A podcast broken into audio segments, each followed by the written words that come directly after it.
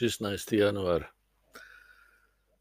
Doživljamo danes, morda še bolj kot včasih, da ko imamo velike moči, veliko moči, ali pa ko ima človek veliko moči in oblasti in denarja in vpliva, ponavadi izgubi svojo človeškost.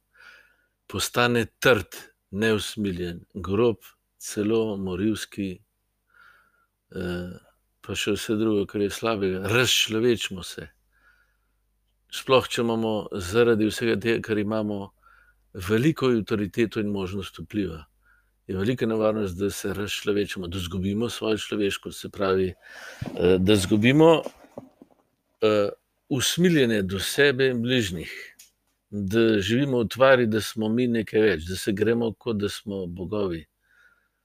Pa nam mora pol življenje pokazati, da je to čista laž in utvara, ki se podre, vsakemu osebno in posebej pa še ogromno trpljenja povzročiš. Vse trpljenje, ki si ga povzročil, posledice tudi tvoje, srce nosi.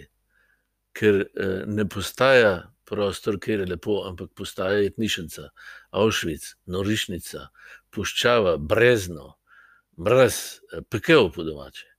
To je, zato Jezus hodi in kliče. Mateja je poklical, Levija, no, ki je kasneje Matej. Hodi za menoj. Zakaj ga je poklical? Ja, da bi se naučil, božje avtoritete, ki je ljubezen in usmiljenje do bolnih in grešnikov. Mi smo vsi bolni. Nam mi vsi pademo v večji ali manjši meri pod to bolezen mogočnih in vsemogočnih, v narekovajih, da izgubljamo svojo človeškost. Zdaj, ko imaš malo več tega pa malo onega, si že misliš, da si nekaj več od drugih. No, to je bolezen. In, dokler se je ne zavedam, me ta bolezen ubija. No, tako je tudi, z vsakim, ne, se pravi.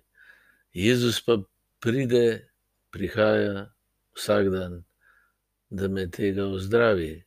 Ampak moram najprej, slišati, da me je poklical.